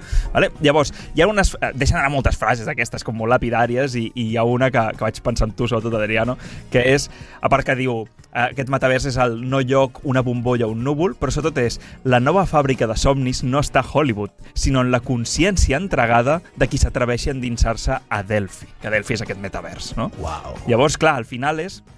De fet, eh, és un futur on i aquí entra com, com és aquest món, no? Um, és un futur on la gent té avatars creats. Ella sí que té un avatar, que és el, el seu, el normal, el de feina, per dir-ho així, però després té un que no el coneix ningú, tret d'ella, que és un avatar de uh, un home, uh, rotllo, faccions escandinaves, uh, anomenat Víctor, de 35 anys. Llavors, clar, és aquest alter ego, per dir-ho així, per fer maleses, per dir-ho així. Vale? I és aquí també ella, durant tot el llibre, no para constantment de fer reflexions sobre aquest avatar sóc jo, és, aquest avatar és més jo que jo, no? És, és com tot el que jo volco en aquest personatge, tot lo lasciu, tot lo, no sé, mentalment inclús violent o així, és, sóc jo, no? És el meu subconscient que l'estic volcant allà? O és simplement és una creació meva perquè, és, bueno, perquè puc, no? I el metavers m'ho permet, i, bueno, doncs per què no? Com un joc. No, dependrà de les hores que passi, no? Vull Sí. dir que al final tot Ah, això, aquí, moltes bona, vegades... Aquesta és una molt bona frase, això ho haureu de llegir el llibre, perquè aquí també arribaràs a veure, uh, bueno, passes moltes hores Clar, o no això és com el treball, no? coses. Quan dius, hòstia, és que finalment només sóc un lloc de treball, Sí, sí, sí. perquè estic tota la vida ja... És que allò de que m'he deixat el neoprè i estic molt preocupada ja, ja comença Sí. a ressonar-nos Sí, sí, una sí. miqueta. Ostres, no tinc wifi. Sí, sí, mica bueno, aquesta aquí, aquí, que aquí es nota, en aquest, aquí tots els personatges es nota molt la dependència aquesta absoluta tecnològica. Llavors, per exemple, és un món uh, on el turisme, ja ho, ja ho he dit, eh, ha quasi desaparegut. Per què? Pues perquè si has de fer reunions amb altra gent d'altres països, pues, connectes online. Si vols visitar llocs, què millor que fer-ho des de la comoditat de casa teva, amb l'aire condicionat, uh, et poses unes ulleres i veus perfectament, inclús pots arribar a formar part del que se'n diu el necroturisme. És a dir, tu pots estar en el, en el lloc exacte de la mort de Lluís, ser guía de Lluís. XVI, de Lluís XVI mentre el, de, això surt, eh? Oh, que, que estan, que estan treballant en l'experiència de viure la Revolució Francesa, per exemple, no? Quan hi ha la, la, no? la, la guillotina. I la revolució real és que no és que només ho vegis, és que ho sents. Ah, aquí, aquí I no és està. que ho sentis perquè la teva visió és com la del Carles que et fa sentir. No, no, no. és que realment ho estàs sentint a, més, a, més, partir del a més, tu planteja de que la no? gent pel, pel carrer va amb això. Llavors, la gent no, no, no, no hi ha ese pudor de pel carrer, um, de s'està movent, està parlant. Sa- Sabeu com, com quan va haver el canvi dels de, els auriculars aquests sense fils, que la gent parla per carrer i que dius, "Bé, esta, ge- aquesta Sí. gent està loca, no? Sí. No, no, no, ara ja està superentès de que la gent parla i ja està, saps? O, Mm. o, o gesticula, doncs, en aquest futur, no?, vindria a ser. Um, I hi ha una cosa interessant, que em va semblar molt el dormilón de la pel·lícula de Woody Allen, que és la de s'ha xifrat la sexualitat. Llavors, clar, ara tu ja pots anar directament allà i hi ha uns components... És a dir, tu pots mm, recrear qualsevol cosa, tu pots... eh, O sigui, sexualment pots fer el que vulguis perquè es, perquè es pot. Saps? Però amb tu mateix. No, clar, només, amb tu mateix i amb aquesta No, realitat, no? I tampoc hi ha un límit ètic o un límit No, exacte, legal hi ha, hi, ha, un... hi ha les sales roges que li diuen, no? que és com les sales on pots connectar amb anònims o amb gent que, que tu coneguis o així, però sobretot amb anònims i és com una cita de Tinder, però a lo loco. O sigui, clar, allà és límite zero. Saps? Clar. Llavors, clar, es- tu, tu, sí, sí, tu planteja tot des d'un punt de vista això, no? Com molt... Com molt um, a, a, com es diu allò? Hedonista. Hedonista, també, t'ho anava a dir, sí, Hedonista, hedonista. no? Absolutament. Però Sí, sí. alhora et planteja que és un món virtual molt controlat, és a dir, la pedofilia està prohibida, però eh, hi ha moltes coses de, de, per exemple, no pots utilitzar l'avatar d'una persona real. És a dir, jo no podia posar-me, jo sé, eh, Mario Casas, saps? Però a no ser, a, a no ser, a no ser que aquest, que Mario Casas lo permita. Llavors això ens porta, a mi em recorda una pel·li anim, mig animació, mig real, eh, que és The Congress, que va passar per Sitges, Total. I que parla de com, a la, com en un futur, no? que, que justament el món de l'avatar estarà super extès, els actors ja no tenen feina perquè què fan? Els productors diuen, vale, et compro el, la, la imatge, Mm, el cos en que, és que mai, mai el envellirà. este y lo pongo en el Exacte, muñeco. i Clar. et pago una millonada, però tu i ja està, ja no et necessito. Bueno, de, L'actuació... de fet, Bruce Willis ja ha cedit els drets de la seva imatge per, per sí, fer-se Bruce, servir amb, amb digital. Perquè Bruce Willis està al pou. Ja s'ha retirat, ja ho ha Clar, deixat clar. i no pot treballar més, però ha cedit, és a dir, podia no haver-ho fet, ha cedit la seva imatge per si algú vol recrear el, el, el seu físic en una pel·lícula i posar-lo amb Humphrey Bogart, per exemple. Déu-n'hi-do. Llavors, eh, què passa? Que si hi ha un món controlat, òbviament hi ha un submón que no està controlat en aquest metavers. Llavors, aquest metavers és com una mena de, de, de, de deep web, que li diuen el Black Delphi, òbviament, no? Llavors, és, és com, abans ho comentàvem abans d'entrar, els tres de, de com aquest Second Life, eh, però els submons aquests del Second Life, no? De real nostre. I, i, i fa èmfasi a un cas, o sigui, com dins del, de, de, de la seva història, que és el cas Mirande, que és, és eh, una experiència que es va crear a partir d'una Miss eh, basca, o sigui, una Miss, que eh, el que eh, tal qual va sortir, no hi havia gaire protecció, suposo, virtual, i van lo hackearon, no? I van començar a... a o sigui, estava creat aquest... Eh, a, a, o sigui, a partir del hackeo, eh, tu podies anar allà i constantment violar-la. Llavors, clar, el llibre dona moltes voltes a al tema eh, legal, lícit, de totes aquestes coses, perquè al final, eh, per un petit error, això es pot convertir en una De festa nou- per molta gent. De nou connecta amb el que estàvem ja discutint no? sobre Mantícora, no? La, la Exacte. llibertat... O sigui, és, Sí. és la realitat virtual un lloc on deixar córrer la nostra, no? les nostres passions, malalties i, per tant, un lloc de llibertat total o no ho serà pas? O no ho és ja? Exacte. Bueno, no d'aquí, pas? aquest llibre, per això posar aquesta cançó, molt, és, és la insanity virtual. O sigui, es nota molt... Tot això, ja us dic, eh, les, el llibre s'estructura en aquesta investigació cap a aquesta figura femenina de, sobre les precursores del feminisme. Però, clar, pel mig hi ha personatges... Eh, eh, està Kai, que és el seu marit, de, i pare de, de tres fills, però és que a més el Kai és, és, eh, és indi, i llavors ell, des d'un punt de vista de marit, que és sempre molt de, no, la meva dona, no sé què, clar, de cop descobreix que en el metavers, que la seva dona és una de les pioneres, diu, ah, bueno, a veure, podríem obrir la relació, però només en el metavers. És a dir, no, no serà mai físic. Llavors, clar, llavors té els, té els conflictes personals a casa, de, per dir-ho així. Després hi ha Nicola, que és el seu soci, soci d'ella, de, de, d'ella, de la Paula, um, que també té bastanta tela, no, no diré massa, i Max Docs... Max, Nicola deu tenir bastanta Tesla, no? i Max Dogs, que és aquest personatge, més ja el pinten bastant andrògin també, és com un personatge que, tot i que és qui li ajuda a completar aquest personatge, aquestes vivències d'aquest personatge eh, històric, eh, és un personatge que és el qui posa una mica el fre a la virtualitat, és a dir, és un personatge que està absolutament en la tecnologia, però des d'un punt de vista gairebé analògic. És a dir, hi ha un punt de que eh, sempre l'intenta separar de, la, de no cal que ens posem ulleres cada dos per tres, no? O sigui, vivim aquesta realitat i construïm la virtualitat a partir de la realitat, no des de la virtual, saps? No? és, a dir, és com un... en, en boca de personatges, l'autora fa un judici sobre això? Ah, mira, això és, això és interessant perquè sí que em... F... eh, O sigui, és difícil de dir perquè t'ho planteja de que, clar, no deixem... Estem anant cap a moltes de les coses que diu allà. Eh, Hi ha algunes que potser són exagerades, però jo no he vist com un futurisme eh, de d'aquí a 200-300 anys per res del món. De fet, ho planteja, no me'n recordo, però potser és els dos, 2040. Com una cosa bastant ja estesa, assentada, la virtualitat, no?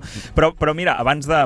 Justament amb això, abans de... Hi ha una cosa que, que fa que és... O sigui, em sembla però llestíssim, eh, que és que com que estem en aquest futur, es eh, eh, mira el passat, que, que en realitat vindria a ser el nostre present, i diu, bueno, com aquella època sort que ja vam passar l'època de les cancel·lacions. Sort que vam passar l'època de, de, la, de, la, de lo políticament correcte. Sort que ja ens vam adonar que això no arribava enlloc i vam tornar al passat no? O sigui, a, a lo bueno. O sigui, quan ens podíem expressar. I això està molt bé perquè és com, vale, estem en aquesta era, justament, i és com pensar, bueno, esperem que algun moment algú destapi Hi haurà una el, el que correcció. descorxa el, el cava. Però pel que comentes, sento en tot moment, no?, com l'escriptora té una mena de judici sobre això, no? Sí, a veure, I- I, inclús hi ha molta paròdia, eh? I, i veig Hi ha que... paròdia. Vale, està bé això. Hi ha, bé, hi, ha, mo- hi ha moments... No ho tenim clar. No, Veig no, no dic que sigui supercòmic, no, no, és, no és comèdia el llibre, però hi ha moments No, hi ha que et rius de dir... Clar, hi ha un moment que ella mm, eh, entren... Eh, eh, sí, com que la, la gent va amb les ulleres a tot arreu, però posades. Llavors, eh, ella explica l'experiència d'anar a comprar un croissant. Clar, el croissant és, entra a una botiga perquè veu que a la façana no, se li apareixen els pop-ups no, de uah, uh, tantes estrelles, els croissant, el croissant de no sé què avui, fa no sé quants minuts que acaba de sortir al forn, així que estarà perfecte en el punt... Bueno, clar, la gent viu així. Bueno, és que tot el que, tota possibilitat comporta això, no? Comporta una contradicció, Mm. una paradoxa. Però veig que avui, no? i m'imagino que ja toca el torn de, Sí, sí, de la sí, sí, música, sí. veig que en el fons bueno, és difícil respondre a aquesta pregunta de si en aquest món virtual, tot i que sigui irreal, no, realment podem... Ningú no es mulla, ningú no es mulla. Mhm. Jo, Clar, clar, clar. jo, jo sí que em mullo, eh? Assassinat al món virtual, sí? Sí ah, no, no, jo el virtual, Sí, el, no? Però whatever. què vols dir, assassinat, sí? Va, Clar, perquè és que o sigui, tu pots jugar a un videojoc i matar qui Clar. vulguis. Què fotíem amb el San Andreas? Clar. Quan jo encara jugava. Clar, Hòstia, el que més plogut, era... Eh, ha plogut. Això t'obre la porta a qualsevol cosa Clar. no ètica o no legal. Bueno, és que tampoc era ètica Sí, fotre-li a un tio Clar, al que Andreas. Això, vull dir, Però això el ningú ho debat, veia. El debat és s'accepta o no s'accepta això. Però, però la definició és, la llibertat acaba on acaba la de l'altra, Sí, no? és Llavors, muy clar, si tu vas a un lloc on no acaba la, ni comença ninguna, o sigui... Però en el fons tu estaràs en un lloc on la teva llibertat mm, condiciona la de l'altre, segurament un altre avatar, no? Potser. No, però per exemple, el que us deia de l'experiència aquesta on violaven a la Miss, clar, és, eh, eh, viol, no la violen ella, violen la idea d'ella, l'avatar d'ella. és un no? PNJ, Llavors, clar, la el Miss. PNJ. No, però per això... No jugador. No, però compro una idea, eh? compro aquesta idea de no, no, ningú no pot ser representat, ningú real, pot ser representat de manera real en el món virtual. És a dir, tot i que Sí, sí, ens sí. encantaria tindre un, un pont en el món virtual, no, a no ser que tu vulguis, Per no violar- passarà. per violar-lo i assassinar-lo. Evidentment, Exacte, evidentment, sí, sí. perquè és que Paguen. més s'assembla un nen Però, aquí. Sí, a, mi el que, a mi el que em flipa d'això de, de, de, reflexionant, eh, és que tot, tot el que s'enfoca cap a la realitat virtual, en certa manera, és tot lo negatiu, no? És a dir, una Sí, sí, sí. Oye, vamos a violar a saco, vamos a irnos de fiesta, Saqueo, a reventar. Ta- També, també, et dic, també et dic una cosa. Es, es, es un poco, Vaig- estoy hasta los huevos Sí, sí. de... Vaig llegir... El peso de la vida, Vaig eh? llegir que per l'aniversari m'ho van regalar, la Roser m'ha regalat l'últim còmic que fa molt poc que ha tret, eh, que es diu El Fuego, el David Rubin. I, i al final de... O sigui, clar, és, és un asteroide està a punt de, de xocar contra la Terra i és en plan, mm, teniu 5 mesos de vida, fin, saps? Llavors, Feu- clar, veus, que va passar. llavors veus que, clar, la destrucció és suma destrucció. No, no, es que cinco meses, ¿qué coño? En un mes no queda nada. no, no. no. Oye, que, que ha vuelto a Sí. empezar Jamiroquai, Sí, sí. por favor, Jamiroquai. Vale, Jamiroquai, pa casa, que ens anem a un Ahora altre vamos tipus de con música. la música buena, de verdad, ¿no? Anem a l'offline? Offline, sí. Música. Bueno, pues hoy vengo de invitado, ¿no? Presentando sección nueva. ¿Qué presento y qué vengo a exponer aquí? Pues básicamente música que se salga un poco por las tangentes, ¿sí? Música bien, bien. un poco- Los márgenes. Que salga de lo, de habitual. Que se vaya para el metaverso. ¿eh? Límites. de alguna manera. No, pero bueno, a mí me gusta mucho el vinilo, soy aficionado y la idea es traer cosas también que eh, estén dentro de el, el mercado, el nicho pequeñito. Es decir, pe- sellos pequeños y artistas pequeños. Pero no mientas, no, aficionado no, profesional. Yo te presentaba como tal, profesional. Muchas El gracias. profesional del Pero vinilo. yo soy un chico humilde, ¿no? Entonces, traigo cinco propuestas. A ver, no voy a indagar en todas profundamente, simplemente es dar la pincelada, pues, oye, para que escuchéis un poco lo que es. Y luego, pues, oye, esta- esta- toda esta música, aparte de en vinilo, también está en digital. En MP3.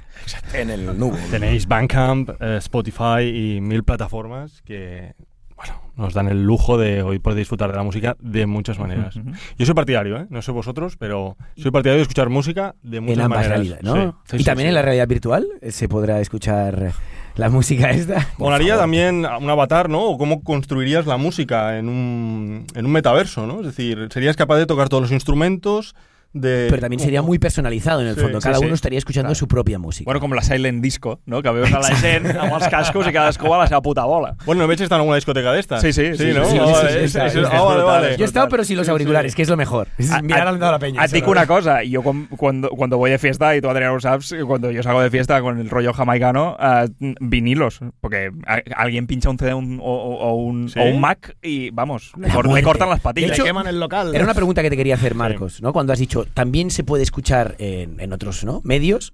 Entonces, ¿por qué el vinilo? En este caso, ¿es Peña que primero Mm. llega en vinilo y después ofrece otras posibilidades? ¿O no? ¿O es un mercado musical que ya estaba abierto y que, hostia, ahora lo importante es ese plus que se consigue con el vinilo? Mm, es una buena pregunta. Y cada artista tendrá su enfoque, creo yo.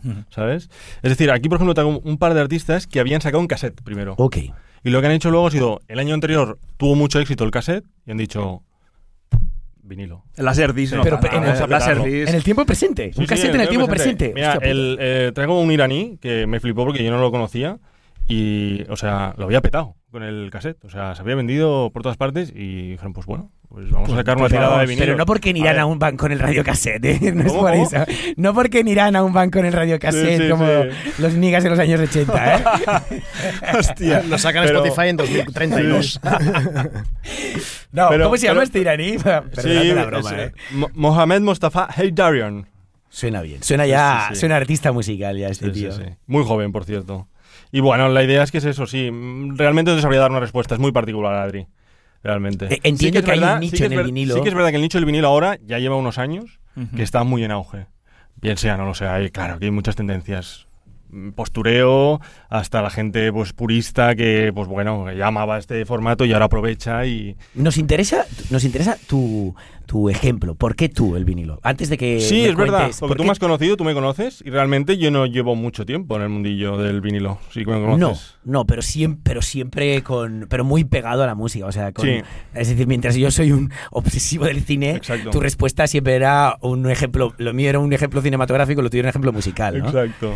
Pero es verdad que no en vinilo, no, Sí. no desde el principio en vinilo. Mira, porque al final te hace conectar con la música de una forma diferente. Es decir, parece una tontería, pero ya el mero hecho de comprar un vinilo y el, el formato físico es más grande visualmente, el tacto, y ya luego el ritual que supone tener que poner la aguja, es decir, todo el cuidado, toda... Sí, todo- lo todo- material, sí, ¿no? Al todo. final, y ese lo contacto con lo material Sí, te esto da es muy, como una es muy de los sensación, 80 en sí. el Raval también, ¿no? El contacto Bueno, con la o aguja. sea, y- sí. Buena esta. Estaba, estaba mirando en las tiendas de discos del Raval, porque eh, tú cuando vienes a comprar vinilos Sí, vienes sí. al Raval. Yo siempre que voy a ver a Madrid, oye, tío, Ahí hay dos tipos de agujas, ¿sabes? Saps què m'agrada? Sabeu quan hi ha un, un grup en directe i hi ha el típic bateria que fot un solo de 10 minuts i que els altres, estan- els músics, hi ha, hi ha l'Oriol allà està amb els braços creuats a punt de tirar la música, Però però, és- ¿cuándo, ¿cuándo Pero esto no iba de música. ¿Por qué estáis en silencio, cabrones?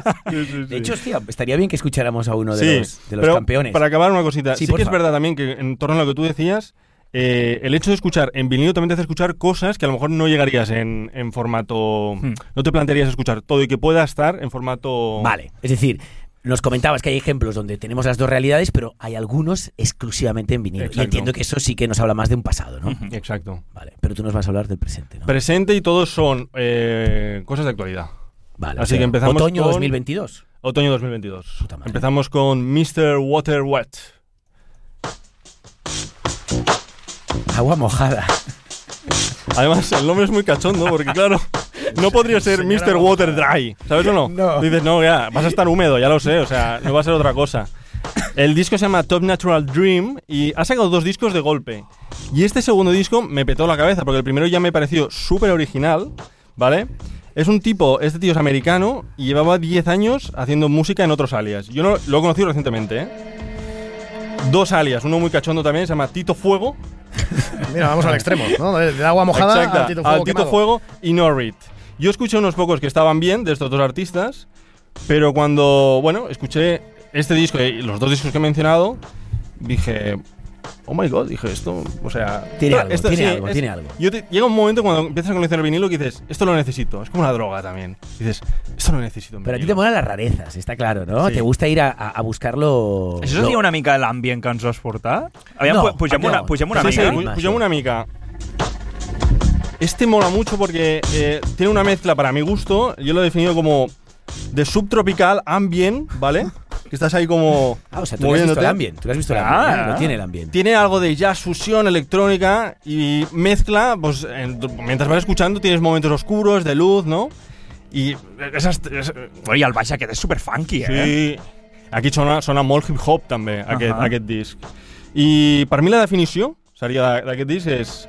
Eh, L'ha posat en anglès perquè, bueno, Sí. a donar-li Porque un toque... porque hay algo de postureo en el a lo has dicho. I serà good. Well.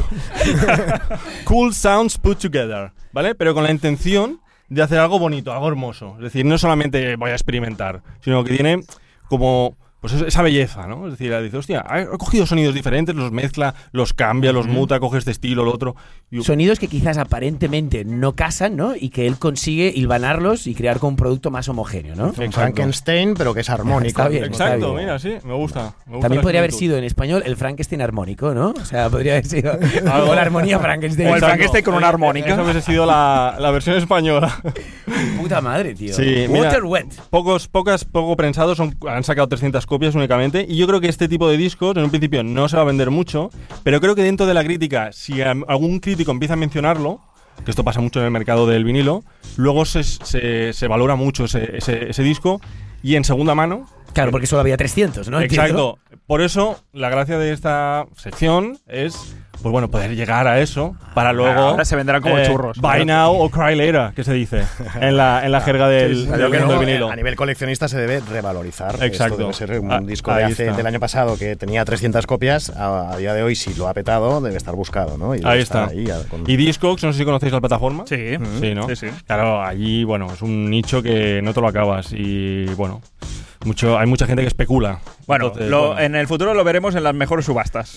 Sí, puede ser. Yo creo que, que va a estar muy valorado. Va a ser un disco, lo menos se va a recordar a este artista. Y a este tío lo estabas vinculando en el fondo, ¿no? Con, porque me has dicho, hay dos de ellos, has dicho Water Wet y el No, Mustafa. do- dos di- ah, bueno, sí, Mustafa es el siguiente. Entonces pasamos al segundo.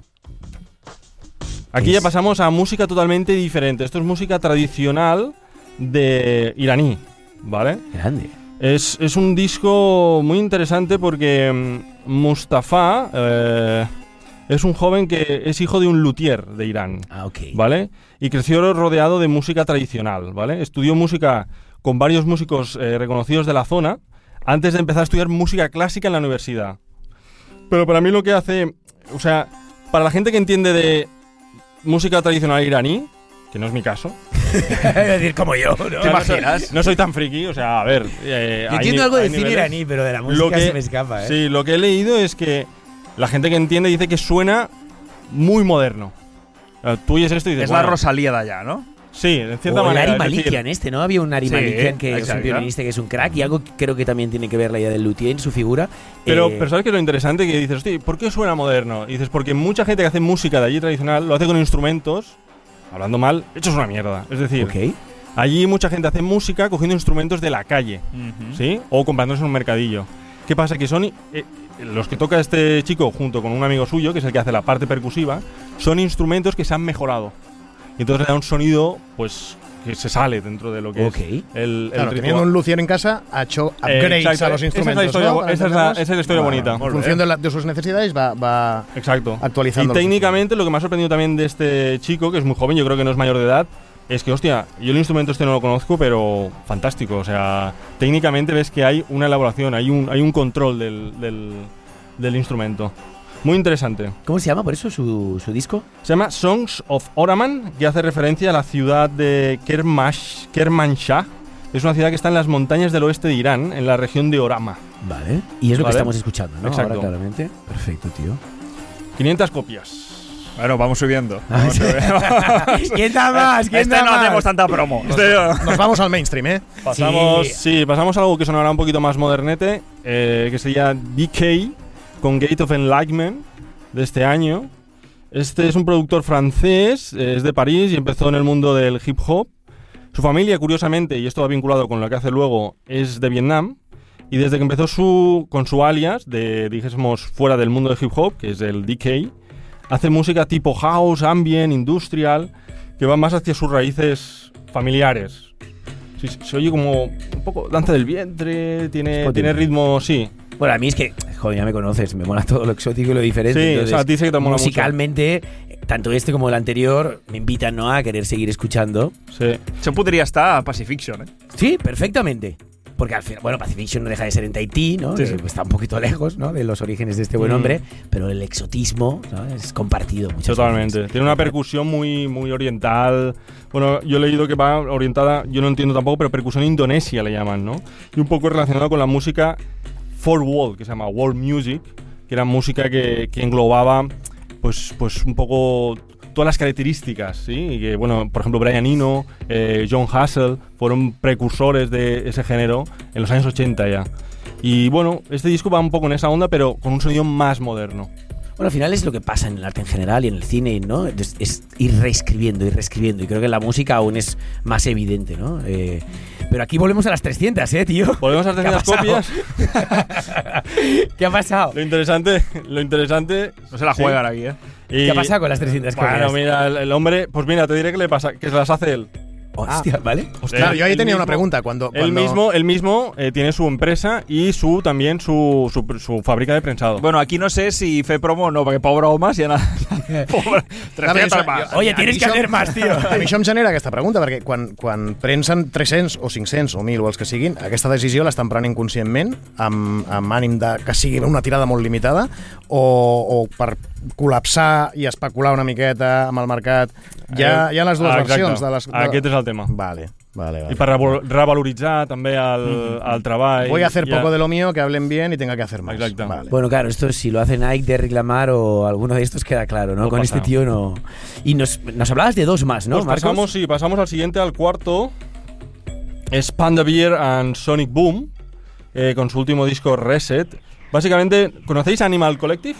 ¿Os suena? Sí, no, me suena Sí, muchísimo. es una banda de pop psicodélico americana, ¿vale? Igual me suena por ti en el fondo, ¿eh? Que me la has pasado. A mí es una banda que particularmente no me fascina, pero uno de los integrantes de ellos eh, hizo Panda Beer. Y todo lo que ha hecho Panda Beer sí que me ha gustado mucho, porque tiene un toque más folclórico, ti- tiene más folk.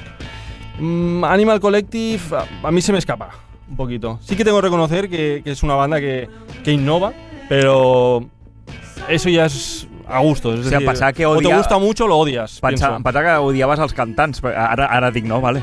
Aquí canten. Sí, sí, no, aquí, aquí Sí, no, canta. y- y de- pero en general lo que estamos viendo hasta ahora son conceptos muy híbridos, ¿no? Sí. Donde, y esto es algo que está en el siglo XXI y sobre todo en el ámbito cinematográfico, no se para de hablar de pelis que tienen mil géneros y cómo dialogan esos géneros. Hoy aquí hemos intentado hablar de la virtualidad y la realidad, pero musicalmente nos estás trayendo ejemplos que de nuevo lo mismo, ¿no? Que tienen muchas capas y que parecen conjugarlas todas ellas con un sentido único, pero Uy, uy, uy, apoyándose a veure, en muchos puja, puntos, puja, ¿no? puja això. Esto ya te está molando, ¿eh? Puja, mira, És que a mi la psicodèlia m'agrada. Sí, Sí, que- Para mí, Paul es, yo lo he definido así, es como música de Navidad de calidad que podrían hacer los Beach Boys, ¿vale? Pero luego añade indie rock, un poco de ruido, pero en su mejor versión, es decir, borroso pero calentito, que entra bien en, en invierno. Y, y no solo eso, sino también que además eh, Sonic Boom, que es la otra parte de, de- de este disco, eh, produce muy bien, que es un ex miembro de otra banda de los 80, se llama Spaceman 3, etc. Muy interesante. Yo, Bueno. este disco, para Navidades, ya sabéis, Adri, para el nene. Me ha gustado la definición de este Sí, disco. sí, Navidad sí. bien. Está muy bien, está muy bien. Y por y tenéis- último acabamos con, para mí, mi favorito, que es eh, Tomaga, con Extended Play 1 and 2, del 2022. También tiene el rollo tribal. Esto es un dúo británico de Londres que hace música folk cíclica. El loop está ahí, ¿no? Ahí está. Esto, mira, para una editorial me lo vas a dejar, tío. Vamos a. Teatrillo del bueno. Sí, un editorial. teatrillo, no? Y aquí hay mezcla de free jazz, ambient y tipo también tiene un toque eh, cinematográfico. Un poquito. Es lo que estábamos comentando. Va para una editorial, va para una peli, evidentemente. Mm. Yo sabía muy poco de ellos, había escuchado algo de material que anteriormente habían sacado, pero no era una cosa que dijera, bueno. Pero estos últimos dos, porque estos son dos EPs que se han publicado en un único vinilo de prensado, doble vinilo, y dije, uff, esto es muy potente, es decir, es algo para que para mí está a otro nivel, es decir, necesito una escucha incluso para digerirlo cuesta. O sea, que has ido de menos a más en tu presentación de discos o no? Sí, yo creo que sí. ¿Sí? De o sea, me- de- en cuanto a tus gustos, la Sí, idea. Sí, no, sí, más o menos, pero el que más tomaga. Sí, sí, sí. La Eh, lástima de este dúo es, es una pena, pero bueno, es, es un chico, es, un chico y una chica, Tom Brilin y Valentina Magaletti. Tom Brilin fallece hace poco. La puta. Sí, eh, hace un año eh, por un cáncer. Y hace poco yo vi a Valentina Malaghetti en otro proyecto que se llama Moin, pero que es totalmente diferente. Vaja. Bueno, Sí, pues suposo bueno. que aquest sí que es valoritzarà Ah, ràpid. aquest ràpid. Sí, Sí, aquest és un Únic. disc que també... Exacte. Oye, ¿y que podremos ver todos estos títulos, no? Eh, pínchamelo, por ai, favor. por favor. bueno, si passeu les caràtules, jo les punxo. no, más que todo para que el personal Més que, también... més que res perquè, com no tengo guion digi- digital, no puedo copy- copy-paste. Bueno, però podem anar a casa cadascú a YouTube i enganxar un foli Ah, sobre la pantalla. exacte. Sisplau, porque exacte, aquí clar. es importante que los ejemplos que traemos, sí, todo el mundo tenga la oportunidad, ¿no? De... Jo, jo, Adriano, crec que per l'hora que és el que podríem fer és... Uh, jo presento la, la sisena cançó, que Vale. és Ángela Carrasco, A ver, a ver. el himno Ibiza, A ver, a ver, que és la ¿cómo cançó de despedida. ¿Cómo suena? ¿Cómo suena esta canción? Aviam, aviam, aviam, A ver, a mí me suena, ¿no? Esta canción. Pero no viene con, un, con una agenda o con un menú del día. Bueno, ¿no? fem-lo ara així No, ràpidament. no, de hecho, esta ha sido la gran agenda. O sea, yo creo que. Però ja, també us dic, us dic una cosa, hi ha una... I aquí és, el, és la gran empanada d'avui, eh? És la, crec que la gran agenda cinematogràfica, justament que parlant de virtualitat, és Avatar. Oi, per Oh, favor. Avatar per 2. favor. L'heu vist algú, ja? No, no, no l'hem Jo no he vist ni la primera, Pol. Yo tampoco. Bueno, Yo tampoco. eh, No, no, no, ho, però- ho, dic, ho dic per relacionar-ho, Sí, perquè claro. hem parlat d'avatars, òbviament pues era fàcil veritat. relacionar-lo. Però una- Ava- Avatar, que més, especial? que més deien que uh, James Cameron està dient que hi ha una versió que sortirà algun dia, suposo, de, de la segona part de, de 9 hores, que jo m'imagino tots els, els creadors de- d'efectes especials deuen estar al puto pou per fer 9 hores de- d'Avatar. Bueno, es un Que és la como- versió buena. Sí, aquesta, sí, és la segur, buena. segur. Vale, Sí, bueno. es lo que es. Vale. Re- release de, de Cameron Cat. De Cameron Cat. Bueno, pues... Sí, no, realmente hay, hay historias porque nada más nos vamos, ¿no? Nos vamos, nos vamos a la mierda y nos sí, vamos al vamos a la mierda. 2023. Sí, sí. Volveremos en el 2023 ya. Hostia, hemos acabado con un programa muy grande y Sí, con sí. un invitado aún mejor. ¿eh? ¿Vas a repetir? Sí, Sí, hombre, ¿no? Te mola estar por aquí. sí. Nosotros queremos que repitas, eso está claro. Y lo que entiendo es que habrá recomendaciones musicales en formato vinilo al menos una vez al mes. Muy y bien. esperamos que nosotros dos veces al mes, ¿no? Como mínimo. Pero esto después de la publicidad, en el 2023. No us, no us atraganteu amb, amb, la- les, el, Con- amb el raïm I no feu la, la gràcia virtual. La gràcia, aquesta, la gràcia aquesta de cunyar o de fer veure que fumeu un puro amb la neula, que ja que és una mica antic. ya está, está ja, ja, ja. este tema. Bones festes. Doncs vinga. Hala, bon Nadal. Bon any. Fins la propera. Adeu.